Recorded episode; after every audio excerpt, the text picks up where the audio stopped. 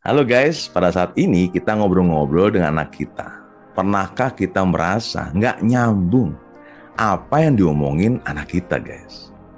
Kalau udah merasa nggak nyambung, kita akan menyalahkan anak kita bahwa omongannya yang mesti benar. Dengan harapan kita bisa lebih paham.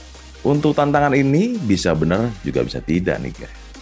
Coba kita lihat dari sisi kita sebagai orang tua pertanyaan reflektif buat diri kita nih guys. Pertanyaan pertama nih guys, apakah kita benar-benar menyimak dan fokus apa yang diutarakan anak kita? Atau malah pikiran kita ke mana-mana. Bisa kita mikirin kerjaan, atau mikirin keuangan keluarga, atau bahkan nih guys, kita sibuk menjawab dan bermain HP kita sendiri.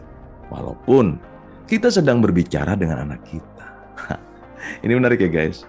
Nah pertanyaan reflektif yang kedua nih, apakah kita menanyakan kembali hal-hal yang belum dimengerti apa yang akan disampaikan anak kita guys? Atau sebaliknya, kita tidak berusaha bertanya, bahkan menyalahkan cara komunikasi anak kita guys. Wah ini lebih gawat ya guys. Oke, nah jika terus demikian, maka sering terjadilah namanya miskomunikasi dengan anak kita. Bahkan bisa jadi terjadi konflik dengan anak kita guys. Nah, yuk kita sama-sama belajar untuk fokus menyimak apa yang diutarakan anak kita. Sehingga akan terjalin komunikasi dan hubungan yang baik dengan anak kita, guys. Teman-teman, jika ingin menjadi sahabat anak remaja kita, silakan ikuti seminar ini ya, guys. Karena hal ini penting.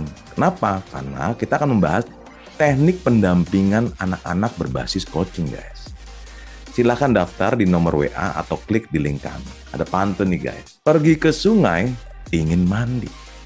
Lihat kucing yang sudah jinak. Cakep. Yuk kita menjadi sahabat anak. Salam semangat untuk hari ini guys.